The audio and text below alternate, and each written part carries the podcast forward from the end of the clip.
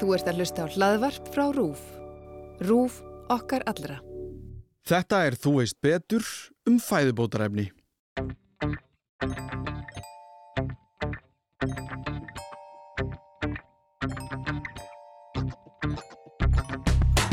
Okkur hætti til að hugsa að við þurfum alltaf að fá öll næringarefni á hverjum einasta degi. Miða við niðurstöður og nýjustu landskurinn á mataræði þjóðarinnar að þá eru við langt frá því að við líða einhvern prótenskort.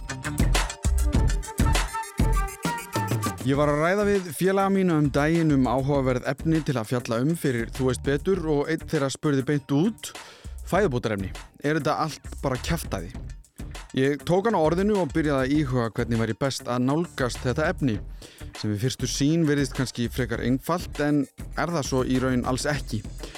Það er oft óljóst hvað átt er við og eins og mun komið ljós síðar er margt sem fellur undir þennan fæðubótar hatt.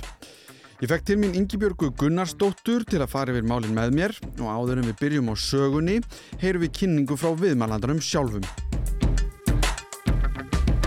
Ég heiti Ingibjörg Gunnarsdóttir og er prófessor við næringafræði við Háskóla Íslands og ég starfa líka sem deildastjóri næringastofu landsbítala. Minn námsferill er þannig að ég byrjaði, ég fór í BS-nám í matfælafræði og þaðan í mestara og doktorsnám í næringafræði. Næringafræðin er tiltölulega ungfræðigrein, mm. svona miða við margt annað og það, var, það er ekkit margir áratugir síðan að, að fólk fór að uppgötva eh, skort á næringarefnum, e, menn fór að sjá skorsenginni á ákveðnum stöðum þar sem að mataræðið einkendist af kannski einhefni, mm -hmm. hafði ekki frambúð af öllum mat, þannig að með tímanum hefur við lært mjög vel hvernig matur þarf að vera samsettur til þess að fullnæga þörf fyrir öll næringarefni sem að líka með þarf á að halda. Þar með talið vítamin og steinefni. Mm.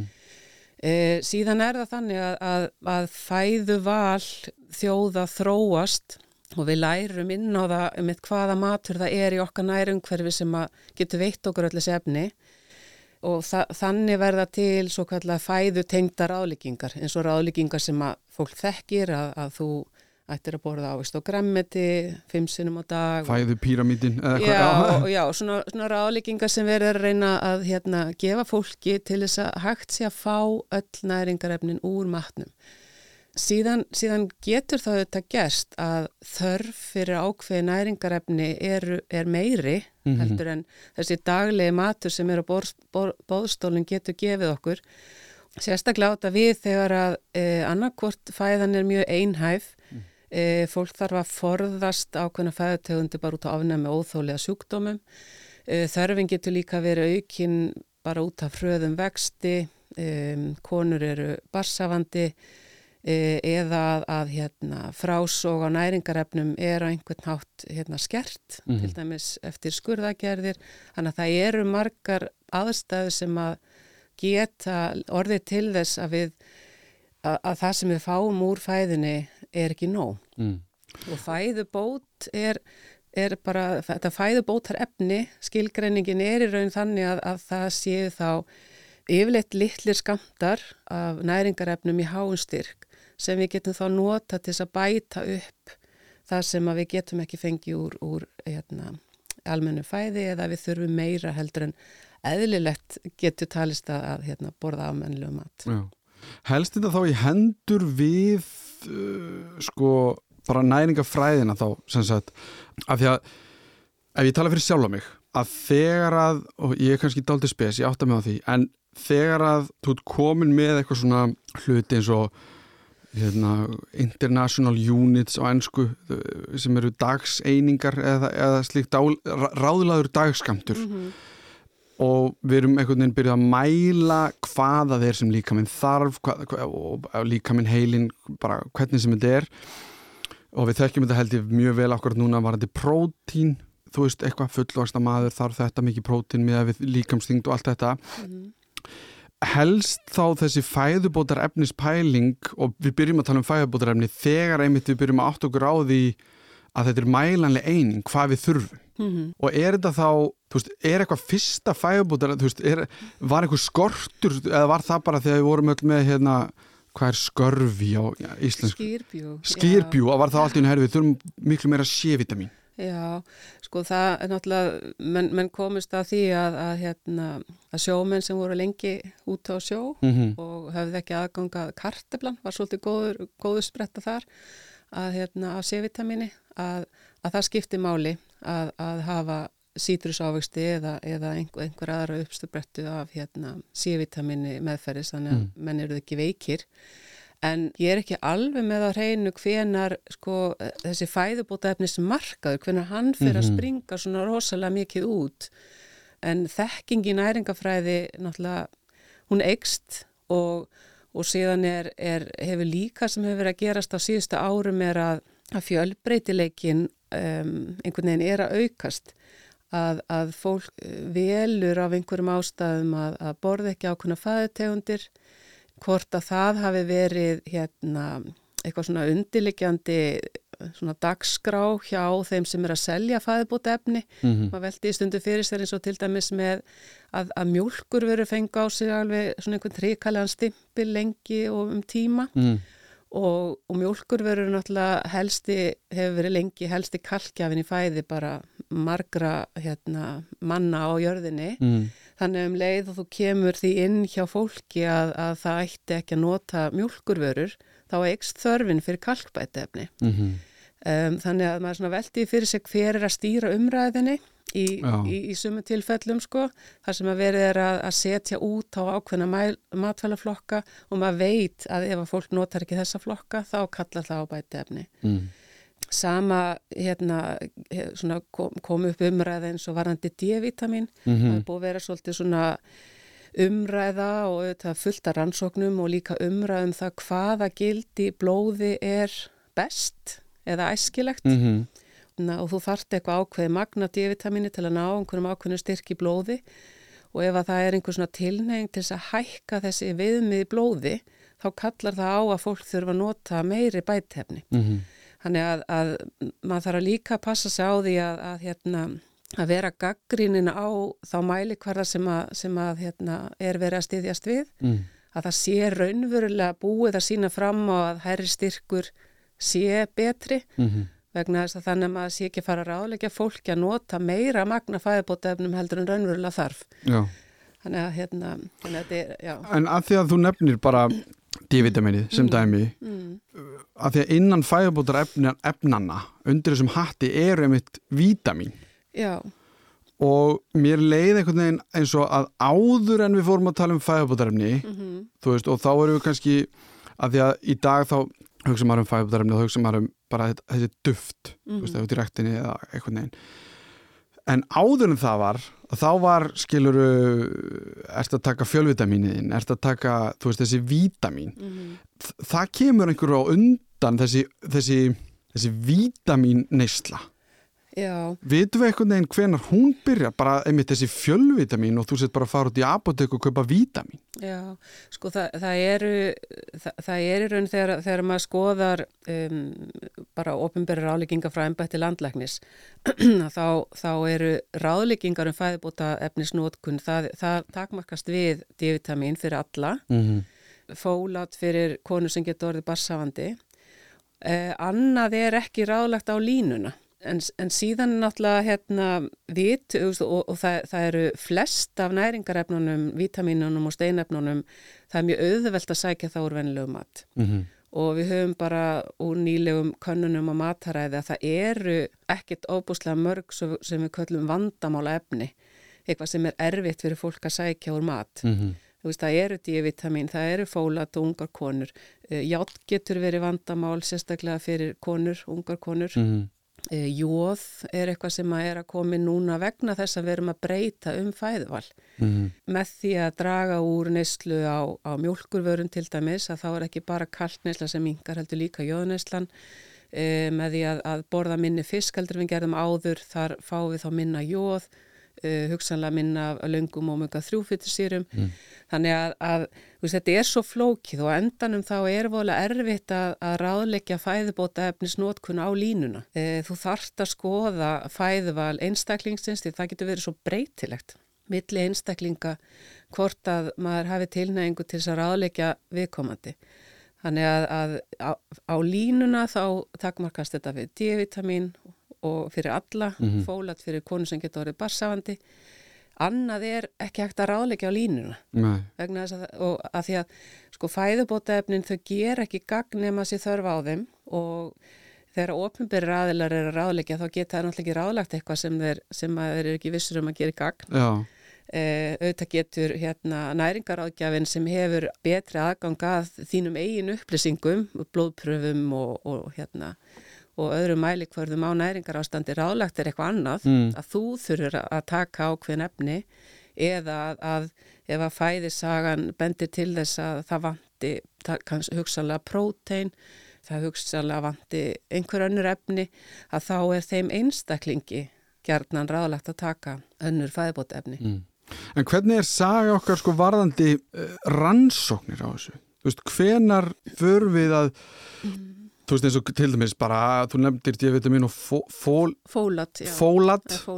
Já, og að því að við rættum aðeins rannsóknir hérna áður við byrjuðum. Hvenar koma, rann, hvenar einhvern veginn sem bara fræðisamfélag og, og þetta, hvenar eru svona fyrstu vísbynningarnir að rannsóknirnar að koma varðandi bara hvaða allir þessi hluti sé að gera þú veist hvað mm. hlutverk þú hafa og það er náttúrulega eins og ég sagði á þá, þá er þetta frekar ungfræðigreinin samt þetta er, þetta er miðja kannski eftir upp úr 1970, 80, 90 þá fara að koma kannski fleiri rannsóknir mm. það, sem að, það sem að hefur verið svolítið enginandi fyrir rannsóknir á, á, á sviði fæðabóta efna er að, að við sjáum kannski í, í stórum faraldsfræðilegum rannsóknum að ákveðin vítamin eru mikilvæg fyrir, fyrir ákveðina útkomu mm -hmm. En um leið við þurfum að gera svo kallar íhlutandi rannsóknir þar sem, að, þar sem að þú skiptir fólki að handahófi í tvo hópa annar hópurinn fær þá fæðbótefni og hinn ekki að þá verðast áhrifin ekki vera einn sterk einhverja hluta vegna. Mm. e, það eru þetta mismunandi eftir hvað efni við erum að tala um en oftar en ekki sér maður minni áhrif af slíkum rannsóknum heldur en bara heldur, heldur en öðrum, öðrum tegundum en, en varðandi þessi efni sem að, sem að eru núna ráðlagt að taka eins og D-vitamin við vitum alveg að ef að Íslendingur tekur ekki D-vitamin yfir vetrarmánuðina að þá fær hann D-vitamin skort Mm -hmm. og það hefur þá með tímanum áhrif á hans beinheilsu vegna þess að D-vitamin er nöðslega til þess að eða svona eikur hérna, upptök á kalki í þörmónum þannig að á endanum þá hefur það mikil áhrif á beinhelsu og vantanlega marga aðra hluti líka mm -hmm. E, varandi fólatið fyrir, fyrir konu sem getur orðið barsafandi og það sáum en minnir að hafa verið kringu 1994 að það komi út stærstu rannsóknirna sem að, sem að síndu að lárstyrkur og fólati í, í blóði tengdist auknum líkum á að, að fóstri myndi fæðast með klófin rygg mm. Og, og svo sáum en, þá bröðum en á það ráð að, að fara fólat bæta kveiti og sáu að tíðinni á þessum fæðingagalla mm. mingaði og, og bara síðan, síðan þá hefur verið svo rálegging að, að, að vegna þess að fólatið fávið að mestu úr águstum, gremmiti, bönum, netum og fræjum, mm. uh, fæðintegundum sem að vestarinnar þjóðir er ekkert allt og hrifnar af veist, því miður, það er náttúrulega verið mjög gott að geta fengið allt fólat sem við þurfum úr þessum fæðategundum og sennilega best. En af því að það er bara búið að, að, að hérna, sína það aftur og aftur að það er erfitt að breyta vennjum svona margra mm -hmm. að þá hefur þessi rálegging verið sett á að, að konur sem að geta orðið barsafandi að því að það er mikilvægt að vera í góðum fólat búskap fyrstu vikur með gungu þú kannski veist ekki eins og þú ert hérna, bassáandi að ráleika þeim að taka þetta sem bætefni og þannig að, þannig að þú þart eh, þessar eh, mes, þau efni sem við erum mest að, að, að hvetja fólk til að taka sem bætefni þau, það, þau eru mjög vel rannsókuð og, og svona sterkur grunnur oftast nær þar á baki Nú höfum við aðeins snert á sögu okkar varandi fæðubótarefni og einmitt kannski átta okkur á því að vítamin flokkast líka sem fæðubótarefni og raun gefur orði sjálft fæðubót til kynna um hvað sé verið að tala. Fæðubót er hins vegar frekar ungt hugtak sem hefur haldist í hendur við þekking okkar í næringafræði og hvaða er sem við erum að láta ofan í okkur. Og með breytum matarvenjum höfum við þurft að skoða hvort við séum að missa ákveðin vítamin eða byggingarefni líkamanns út úr fæðunni. Við höfum öll heyrt um D-vitamin intöku sem er nánast lífsnauðsynleg hér á landi þar sem við lifum marga mánuði ársins í myrkri og sjáum sjaldan til sólu. En ef við færum okkur í nútíðina og inn í þennan bransa sem hefur orðið til, sem segir okkur nánast stanslöst að það sé eitthvað sem okkur hljóti að vanta eða geti látið okkur líða betur en okkur líður nú þegar. Hvernig getum við nálgast hann skinsamlega og ekki fallið fyrir einhverju sem er í sömum tilvikum bara auglýsing til að selja vöru?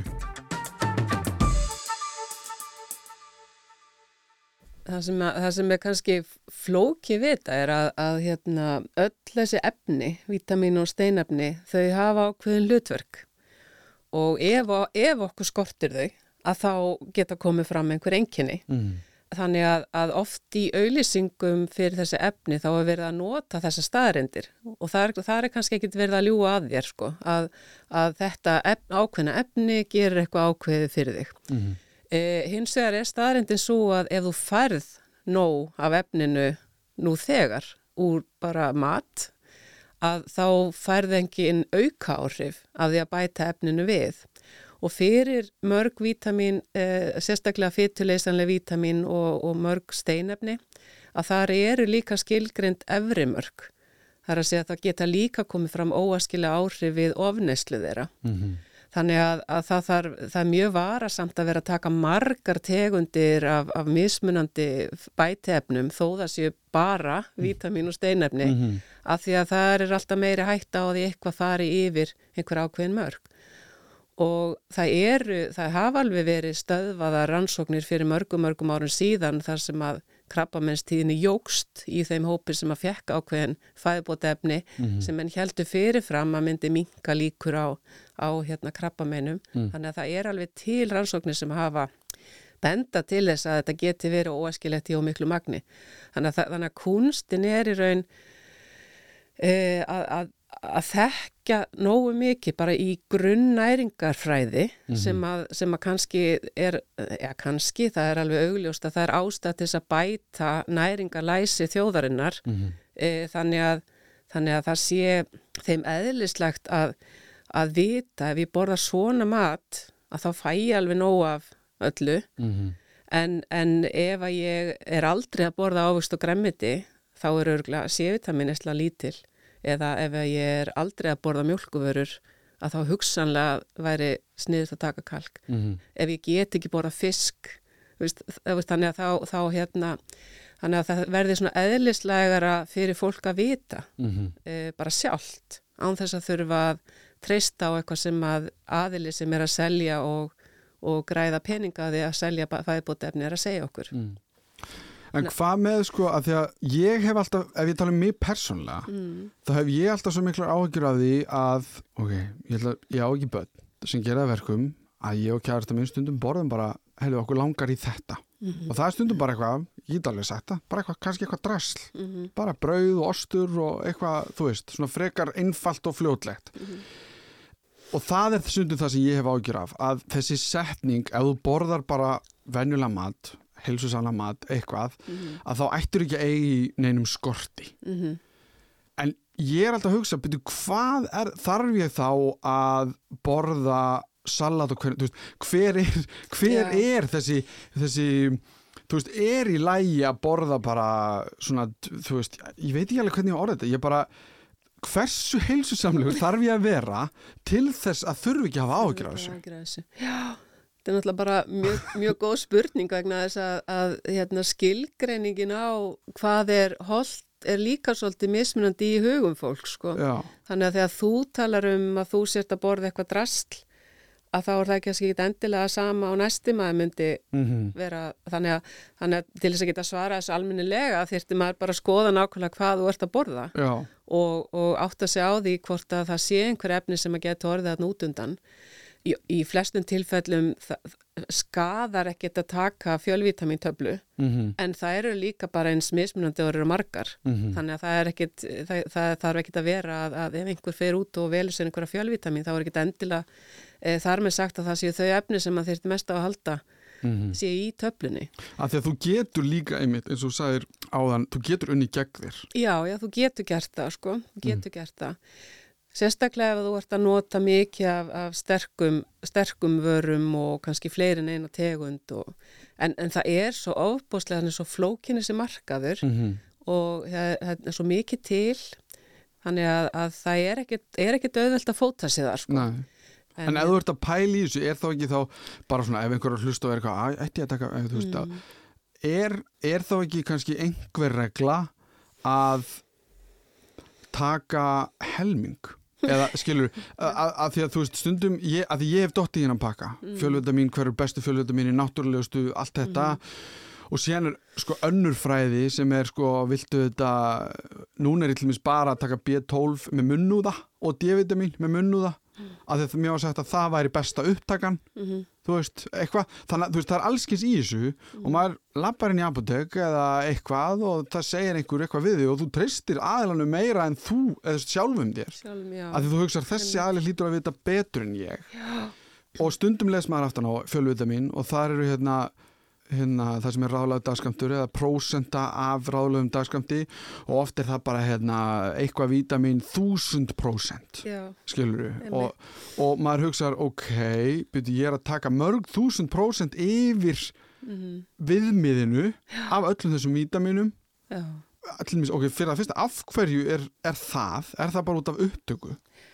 Og gæti maður þá til þess að vera ekki mögulega að spilla fyrir sér. Ekki að við sem að hvetja til annars hvors. Fólk verður náttúrulega bara að meta þetta eins og það er. Mhm. en væri þá bara, heyrðu, ég ætla að taka helmingin af því sem er verið að segja að því að kannski er partur af þessu líka bara að ég þurfi að kaupa aðra flösku eða dollu eða eitthvað eftir mánuð. Já, sko ég, svona almenna reglan er án ábyrðar, ég er alveg Já, sko almenna reglan er þetta náttúrulega að, að það, það ætti ekkit að þurfa að taka vítamin aukalega nema að það sé einhver sérstök ábending fyrir því. Já, nema þessi sem að ég nefndi og hérna auðvitað eru veist, ég myndi alltaf persónulega ráðleika fólki frekar að taka ef að það ætlar að taka vítamin og steinabla blöndur og annar borð að taka eitthvað sem að er eins nálægt ráðlegu dagskamti og mögulegt er sko Mhm. og, og það sé bara jafnt af flestu mhm, Ég, ég horfa ofta á svona blöndur og, og hugsa einmitt eins og þú ert að lýsa bara hvers vegna svona mikið af þessu en ekki hinu og velti fyrir mig hvað,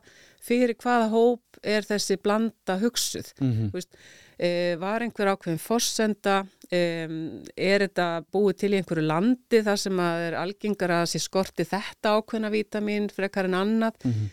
Þannig að, að oft skil ég heldur ekkert til, veist, af hverju er svona mismunandi magna af, af hlutum í, í vörunni já, og oftar en ekki vantar eitthvað sem að ég myndi hef frekka vilja hafa í vörunni með af íslenskar aðstæður. einmitt Þannig að, að þetta er ekkit alltaf einfalt veist, en, en ef, að, ef að fólk vill taka fjölvitamin þá myndi ég alltaf ráleikja þeim að taka eitthvað sem er svona, sem jafnast og, og nála, næst rálega dagskamti fyrir öll efnin. Mhm, af því að stóri skamtar af, af sumum efnum geta líka hindra frásog öðrum. Veist, og dæmum þetta er játn og sink þú veist, þau keppast svolítið um frásog þannig að, að ef þú ert að taka risa skamta sinkja á þess að sé ástæða fyrir því þá getur þú lent í, í að frásog játni minkar mhm. jafnvel kopar.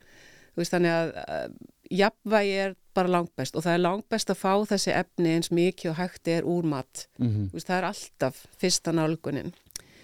Og þar maður þá ekki þá sko bara að því að ég held að allir viti það. Já, en þetta er bara spurningum mannett eðli og þegar þeir eru bóðið sko þú stendur frammi fyrir að elda máltíði sem inniheldur allt sem hún þart mm og síðan á hinn bóin að taka töflu sem inniheldur allt sem hún þart já.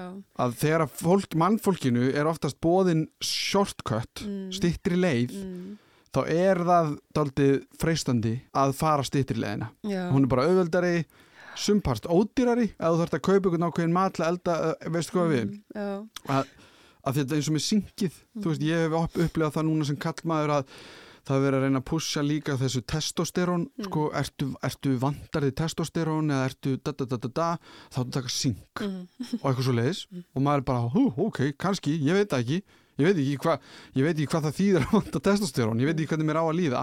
Kannski bara best að taka syng og þá líður mér kannski jafn vel á þessum náungar sem að segir að það virkir rosalega vel fyrir sig. Það er mjög litla líkur að þið vanti syng Já. sem Íslendingu sko, það fylgir, við borðum það mikið að próteríku mat að, að það fylgir oft því. Já, Þannig að það eru mjög litla líkur að, að okkur syngskortur kemur fram í löndum þar sem er bara þróunulöndum þar sem er rosalega lítið aðgengi að próteinikum við eigum náttúrulega alveg fullt af því hérna á Íslandi. einmitt Það er eitt sem er rosalega mikilvægt líka í þessu samengi er að, að hérna, okkur hætti til að hugsa að, að við þurfum alltaf að fá öll næringarefni á hverjum einasta degi.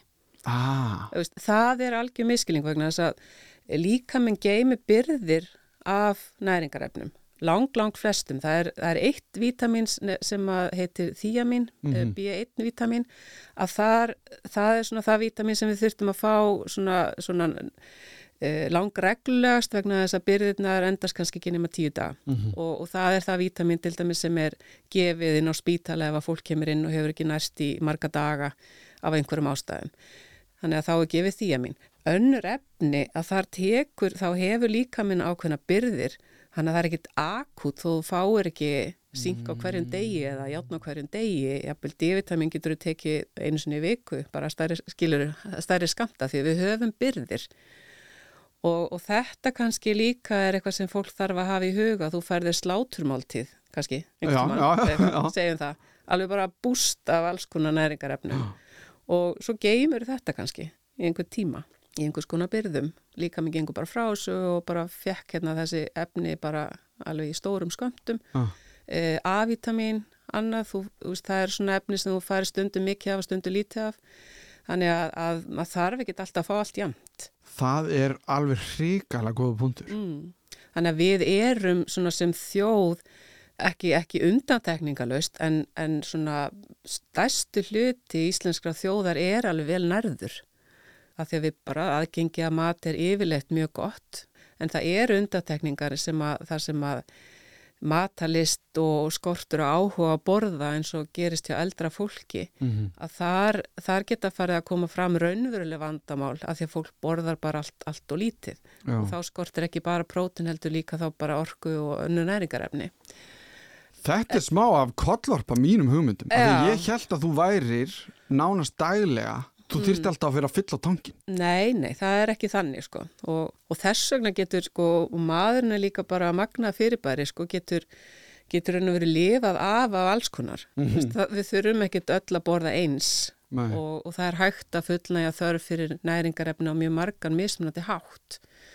eins og ég hef talað um mjölkuvörur og, og, og kalk, það er ekkit lögmál að þú þurfir mjölkuvörur, þú getur náðir í kalk annar staðar, Mhm. en við erum alltaf einhvern veginn, það er alltaf eh, svona, svona svolítið föst í, finnum einhverja lausnir og svo viljum við náttúrulega sem flestir fylgi bara þeim lausnum því að svo flókja hafa svona marga lausnir. Því, að, því að þá þarf þetta að vera ráðleika einstaklingnum og þá þarf þetta að hafa næringafræðinga og hverju strái til að ráðleika einstaklingnum. Já, Þannig að, að fyrir svona ríki, um að tala um svona bara embætti landlæknis og bara ríkið er að ráðleggja, að þá er voru þægilegt ef allir getur bara fyllt ofnböru ráðleggingum fæðuval og, og, enginn væri með skort og allir í blóma. já, En svo er það ekkert þannig, en það er mjög mikilvægt að, að, hérna, að þú þarft ekki að taka fjölvitaminin daglega, ekki frekar en nú þarft að taka D-vitamin alltaf hverjum degi. Það er búið gott að ráðleggja það, vegna þess að þá kannski minni líkur að það gleymist. Mhm, en þú veist, það, það má alveg gleyma að taka D-vitamin eitt daginn og taka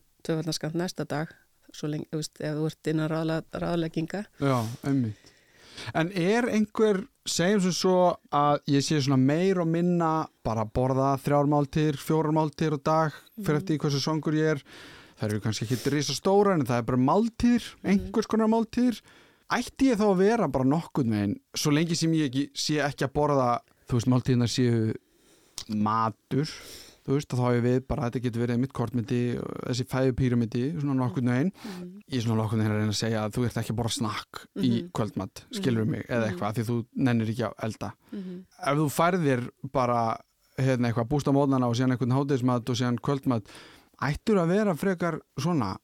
Svona, ég veit þú getur ekki auðvitað Nei. getur ekki bara alhæft svona allt heilt yfir Nei, en ef þú ert svona tilturlega innan einhverjar eðlera marka varandi mat já að þá ættur þú svona nokkurn veginn að vera Já, ég minna það er alveg svolítið lang, langur vegur frá sagt, ráðleggingunum og niður í eitthvað skorsenginni.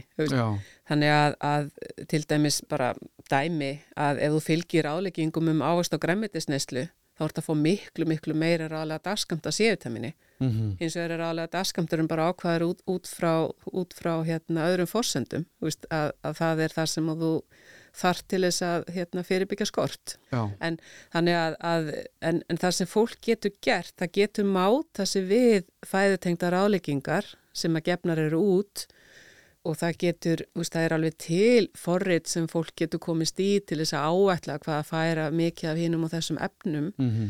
þannig að ef að fólk raunverulega vil komast að því þá, þá veist, er alveg hægt að nota svona forrið til þess að áætla hvort það sé mögulega skortur á einhverju mm -hmm. menn er ekkert mjög hryfnir að því að vera að taka blóðpröfur og mæla næringar ástand eins og í helsugjæslu og annað er ekki inn í svona standard eh, mælingum eða klínisku leiðbyningum að gera það mm -hmm.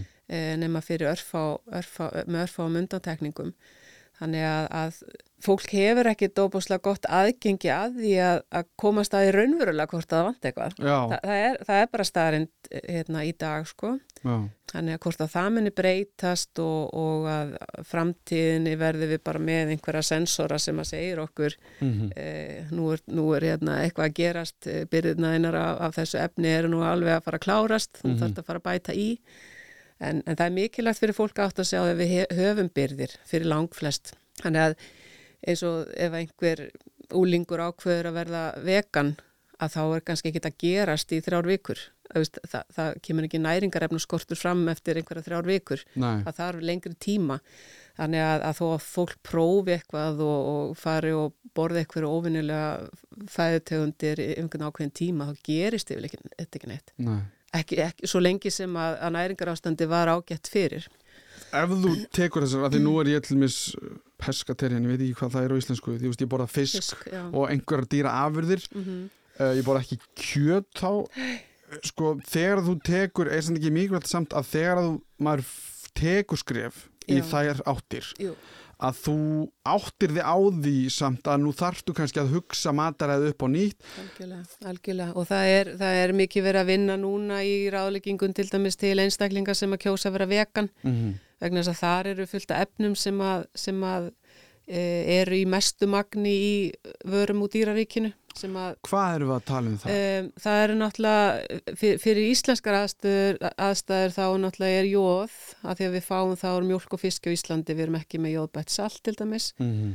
ekki ennþá.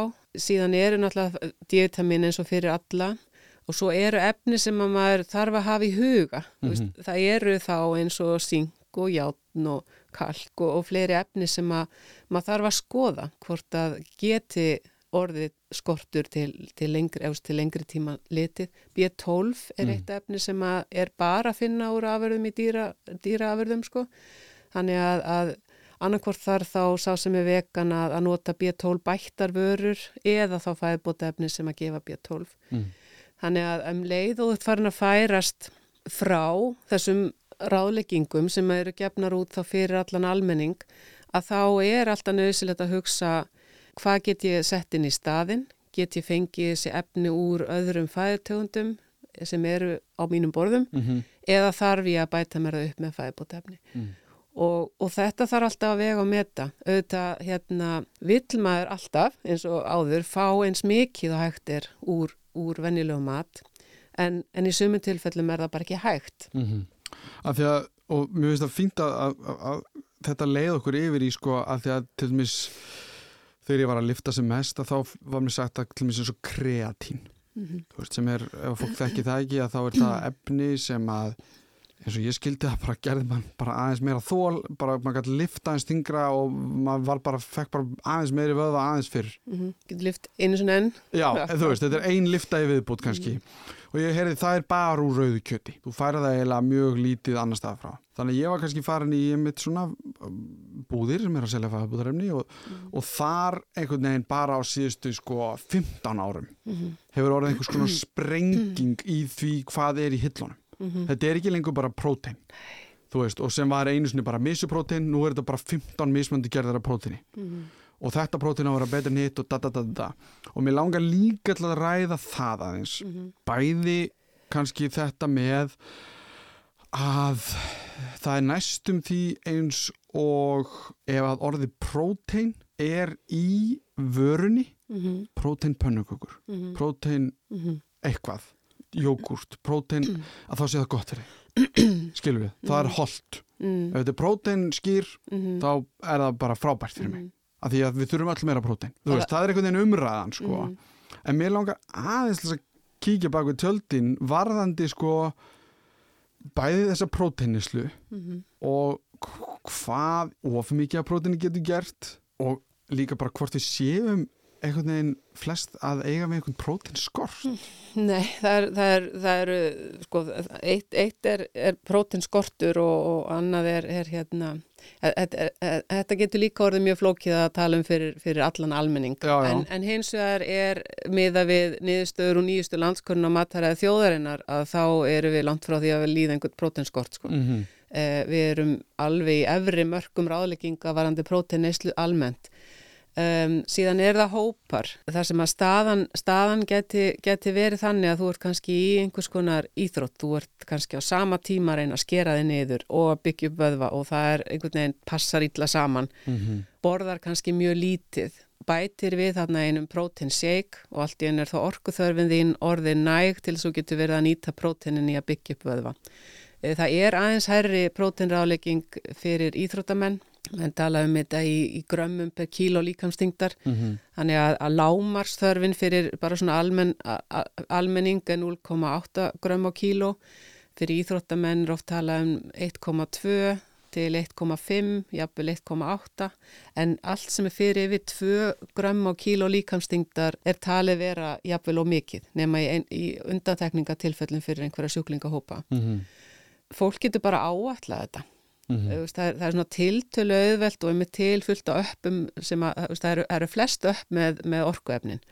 Þannig að það ætti að vera tiltölu auðvelt að, að bara skrá niður fæðuval í einhverja nokkara daga aðtöku hvað þetta borða mikið að grömmum af prótenum og, og deila því með, með hérna, þingdinni og þá ætti maður að nota kjörþingd ef að fólk er yfir kjörþingd þannig að fyrir einhvern sem er risastór segjum að þú sért 100 kíló af vöðvum og hérna og ætlar að bæta við ennþá meiri vöðamassa að þá er töluvert mikið magn sem þú þarft að borða og oft getur þetta verið erfitt veist, ef við sérstaklega að fólk æfir mikið og, og tíminn sem að tekur að borða máltíðir er líka takmarkaður.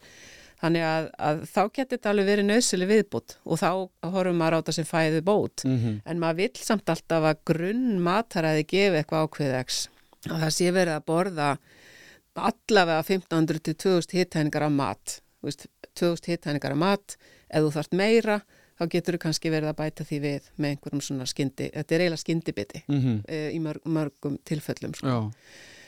Til þess að geta byggt upp vöðamassa þartu að borða meiri orku en þú notar, það er bara svona bara Basic, sko. Já, já. þannig að, að í sömu tilfellum geta alveg verið nóg bara að bæta við smá orku Mhm. og þá værið að nota þessar aminosýrur að byggja upp en kannski var prótenið svona vinsælt af því að það var búið að baktala fytuna fyrst og svo búið að baktala kolvetnin þannig að þetta var eina sem stendur eftir en hérna.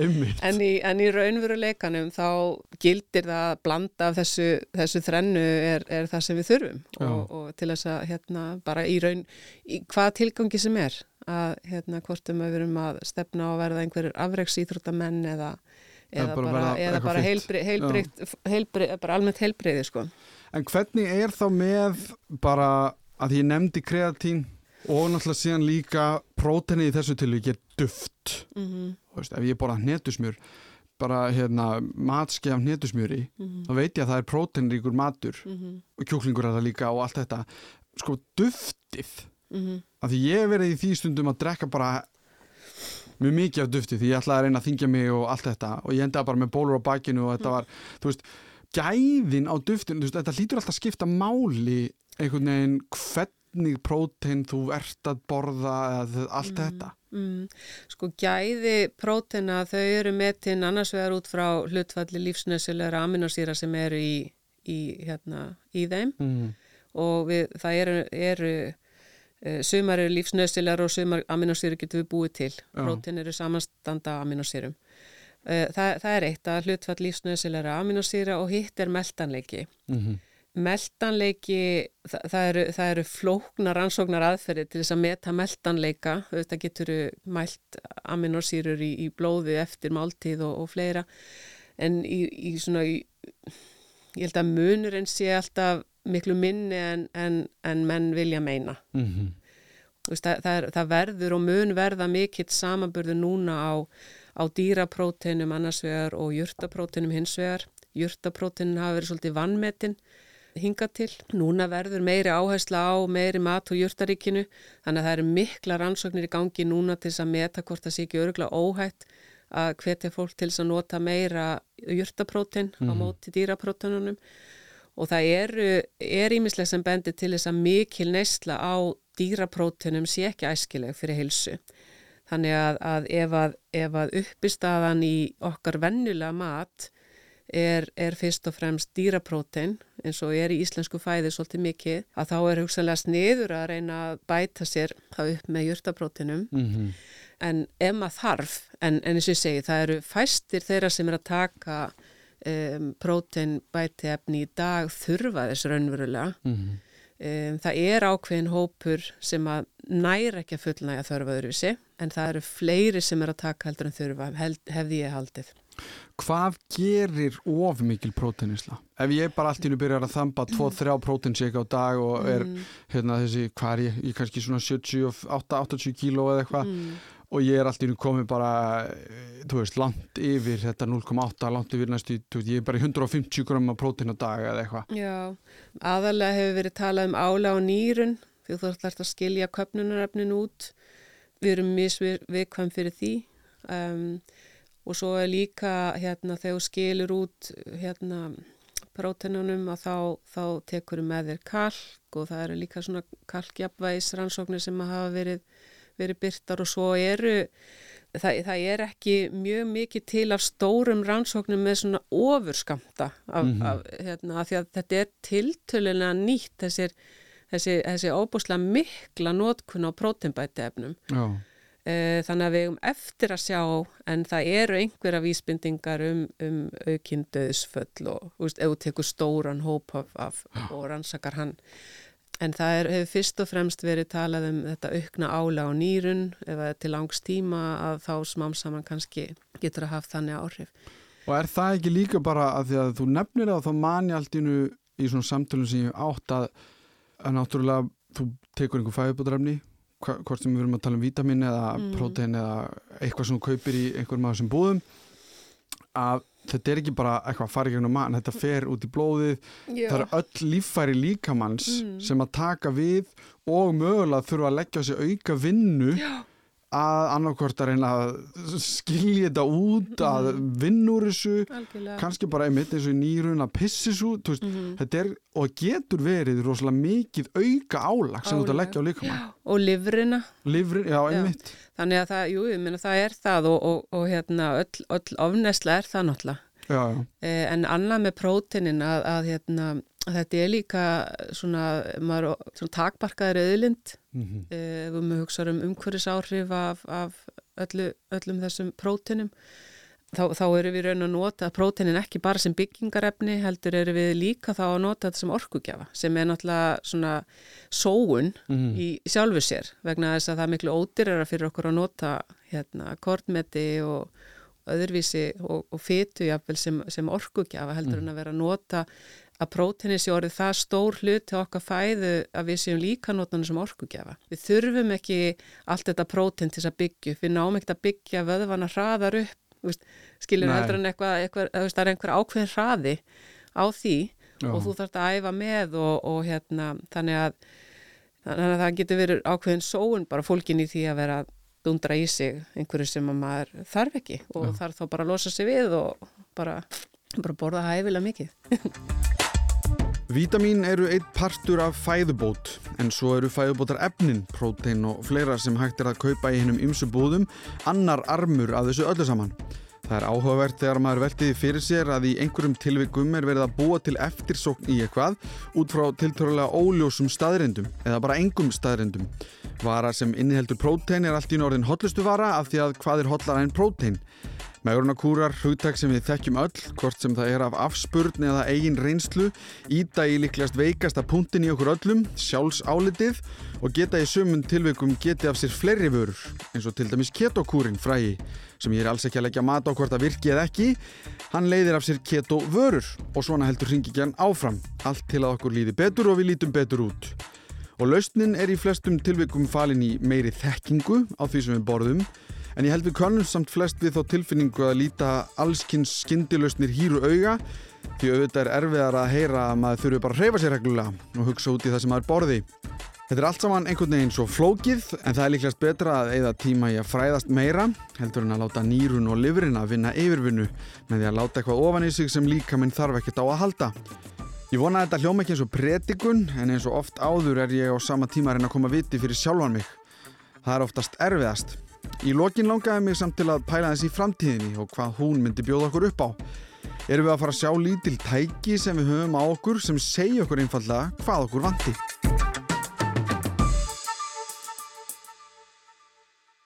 Já, ég held að það sé eitthvað sem að mun koma. Það sé eins og núna er náttúrulega eins og úr og annað fylgjast með púls og blóðþristingi og öðru að það muni með tímanum verða til einhvers konar mælar sem að meta bara næringar ástand þannig við getum verið í sírita þannig, mm. veist, ég, ég hugsa að það muni gerast, ég veit ekki hvenar það muni gerast en vandamálið er að, að við erum ekkert með góðan mæli hvarða á neyslu allra næringarefna með mælingum í blóði eða þvægi eða öðru.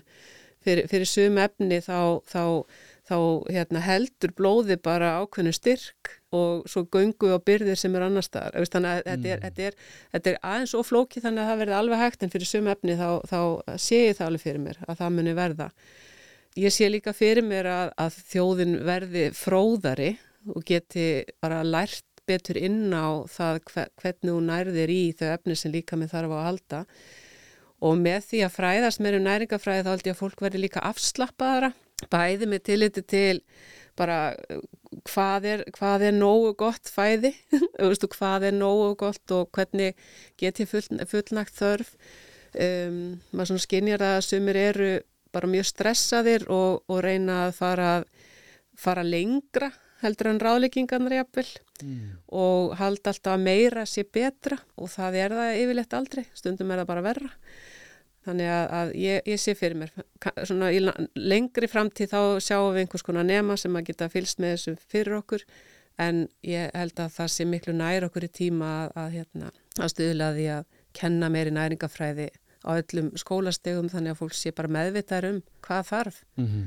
Fá að prófa, að reikna, hvað er ég að borða, sjáu það bara sjálft hvað, hérna, hvað næringarefni þarna eru. Mm -hmm. Við þurfum, við þurfum náttúrulega samt líka að passa upp á að fylgjast vel með þróun á næringagildi í fæðu. Það er eitthvað sem þarf að gera á Íslandi. Það er mjög illa fylst með næringar. Að, að því að næringar, næringarefni í fæðun okkar að þau geta verið breytileg. Til dæmis eh, næringarefni í dýraaförðum breytileg eftir hvað, hvaða fóður skeppnan fær og, mm. og svo framvegis og og það sem við ræktum í jarðvegi er breytilegt eftir því hvern, hvers, hversu hérna, næringarík og jarðvegurinn er. Þannig að við þurfum stöðut að fylgjast með því líka hvaða efni eru í matnum okkar og það er, er, er bara gríðalega mikilvægt verkefni mm. og, og hefur ekki verið synd uh, undanfarin ára ára og tíu hér á Íslandi. Þannig að með því að, að vita nákvæmlega hvað er í matnum sem eru á bóðstólunum og, og átta sig á því þá hvað maður þarf að borða til þess að fá allt sem líka með þarf að halda að það er svona grunnurinn til þess mm. að geta fóta sig í fæðbúta efnismarkaðnum. Því að sumt er mikilvægt og getur verið ógíslega gaglegt, eða ógíslega mjög gaglegt, en margt að þessu er bara óþarfi. En helduru, bara svona kannski í lokin, að, að við munum verða strángari á fæðbúta markaðin? Já, það, það er... Og þurfum við þess? Já, við þurfum við vegna þess að fæðbótaefnismarkaðurinn er einlega pínulíti vilt að vestrið. Mark oft þegar að eftirlitsæla fara á stað og mæla það sem er í vörunum. Að því miður þá oft er meira af einhverju sem að sem er óæskilegt og, og kannski finnstu gefni sem á að vera í vörunni þannig að það er lítið sem ekkert eftirlit með þessum vörum í dag. Mm -hmm. Það eru svona einstakar svona hérna, átagsverkefni þar sem mann fara á mæla en það þarf að vera miklu strángar að gæða eftirlit í, í framlegslu á þessum vörum Mm -hmm. heldur en er í dag. En hver á að, að standa fyrir því eða að vera fyrirtækin sjálf sem að gera mælingar og byrta eða, eða á það að vera eftirlitsaðileg og við að borga þetta. Mm -hmm. Þannig að kerfið er freka dýrt ef, að, ef að við ætlum að setja, setja hérna, strángara eftirlitskerfi. Mm. En við eiginlega þurfum þess að því annars erum við bara að kaupa eitthvað og trista í raun bara fyrirtækjunum fyrir því að það sé rétt eða hvað? Já, eða við getum líka bara ákveð að treysta matnum okkar betur Já, eða það já. og, og borða þann þá fæðiflokka, mat og þeim fæðiflokkun sem að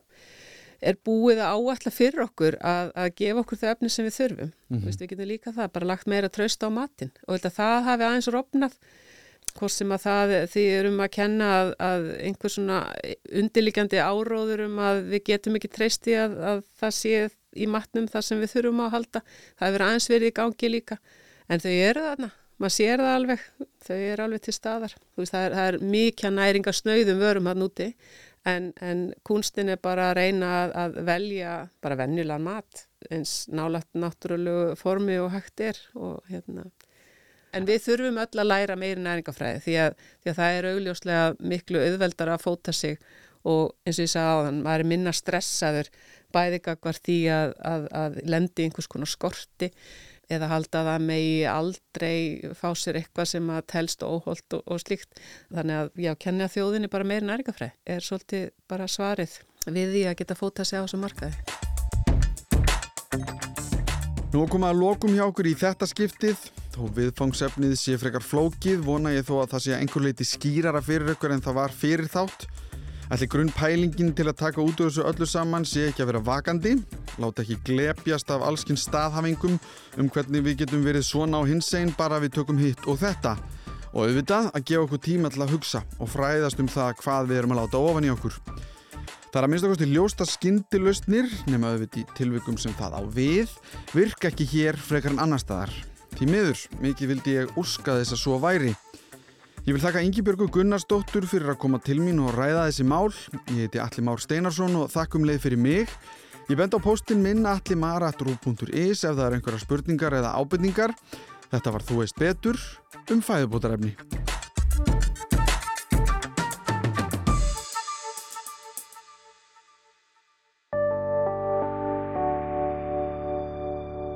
Rúf okkar allra.